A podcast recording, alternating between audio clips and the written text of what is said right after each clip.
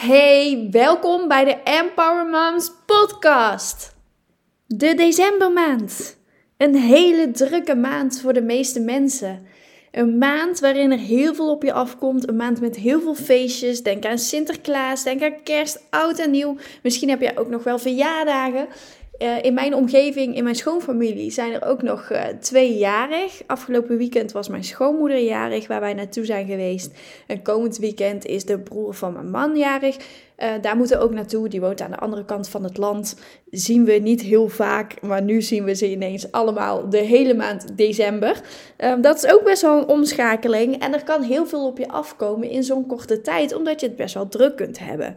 Want denk aan cadeautjes die je moet halen, kerstvoorbereidingen. Wat ga je doen met oud en nieuw? Naar wie ga je naartoe? Wie wil je uitnodigen? Wie wil je het liefst niet uitnodigen? Het kan voor best wel veel stress zorgen. En vandaar deze podcast omdat ik jou wil helpen ervoor te zorgen dat jij minder stress ervaart gedurende deze decembermaand. Want hoe zorg je ervoor dat jij deze decembermaand op een fijne manier kunt doorkomen?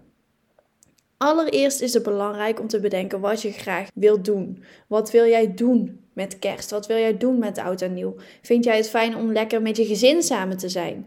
En bedenk ook, kerst en oud en nieuw vallen dit jaar in een weekend. Je krijgt er geen extra dagen voor. En hoe wij het dit jaar gaan doen, is dat we toch die rust gaan pakken. Mijn man heeft nou gewoon een normale baan. Die werkt gewoon door de week. Uh, ik werk ook gewoon, maar aangezien de kinderen in de kerstvakantie thuis zijn, werk ik ook wat minder. Uh, maar hij gaat dus gewoon vijf dagen per week naar zijn werk. Daarom hebben wij besloten om het weekend gewoon wat rustiger te houden. Om niet het hele kerstweekend met mensen samen te zijn. Wij vinden het super gezellig om met mensen samen te zijn.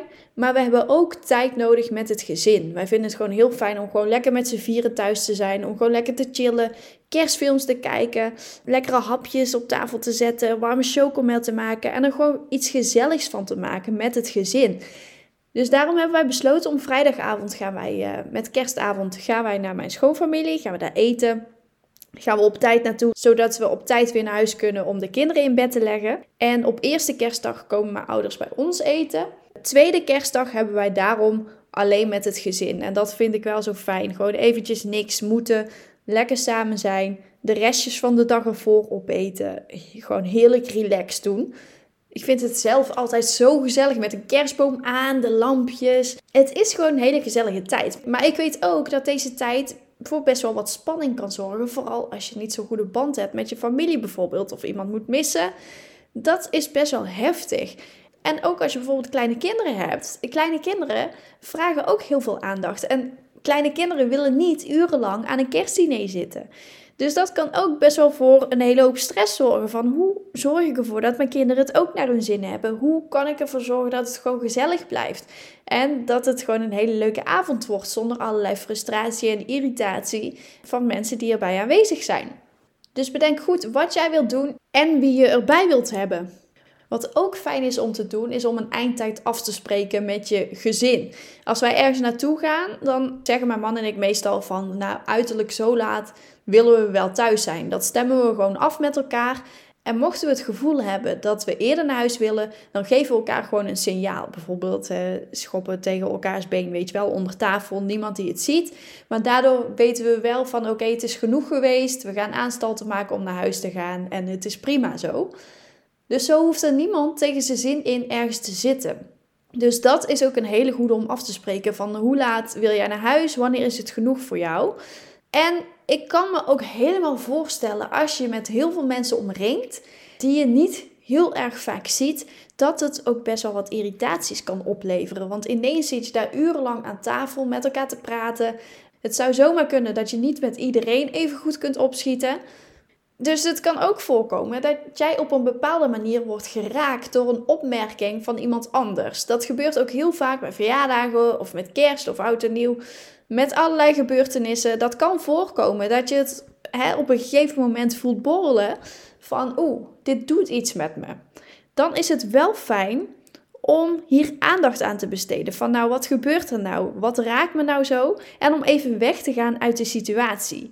Want Het gevaar is natuurlijk dat als iemand een opmerking plaatst, waarschijnlijk uit goede bedoelingen, mensen hebben het vaak niet in de gaten, dat ze een vervelende opmerking droppen.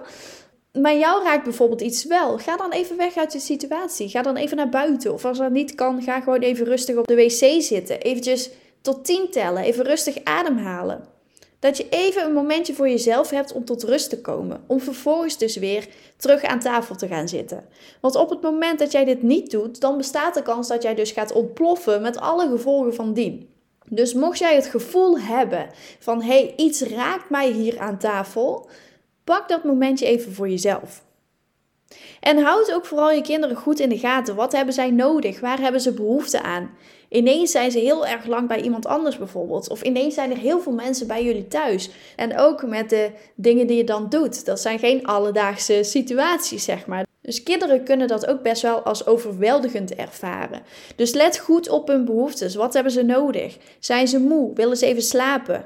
Heel lang aan tafel zitten gaat waarschijnlijk ook niet lukken. Laat ze gewoon eventjes tussendoor bewegen zodat ze even hun energie kwijt kunnen. Zodat ze niet vervelend gaan lopen doen. Want op het moment dat ze heel lang gaan zitten, dan raken ze ook gefrustreerd. Dus geef hen die ruimte. En als jij merkt dat je kind het lastig vindt om zich aan te passen aan de situatie, neem je kind eventjes mee. bespreek het even met je kind. Of loop eventjes ergens naar buiten met je kind. Dit zijn een aantal tips om ervoor te zorgen dat de feestdagen gewoon wat rustiger verlopen. Om ervoor te zorgen dat het uh, niet tot een uitbarsting komt. En focus je ook op wat jij graag zou willen zien deze dagen. Dus deze dagen in december of deze dagen met kerst of oud en nieuw. Wat wil jij zien? Hoe wil jij deze dagen doorkomen? Wil jij deze dagen doorkomen um, op een gezellige manier? Wil jij deze dagen doorkomen met veel liefde, met veel gezelligheid, met veel plezier? Misschien de mensen in je omgeving zijn heel erg gestrest. Laat dat van je afglijden. Zorg ervoor dat jij niet in die stress meegaat.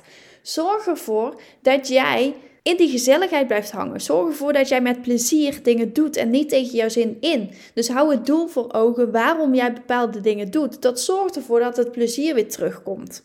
Word je misschien helemaal gek van je schoonmoeder? Denk dan bijvoorbeeld aan de momenten dat het wel heel leuk was met je schoonmoeder.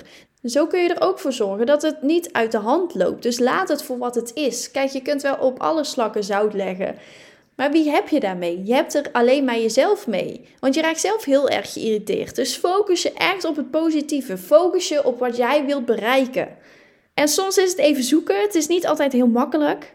Maar er is altijd iets positiefs in iemand te vinden. Dus focus je daarop. En dan zijn er misschien nog familieleden die uh, heel erg commentaar hebben over hoe jij de opvoeding aanpakt of hoe jij met je kind omgaat.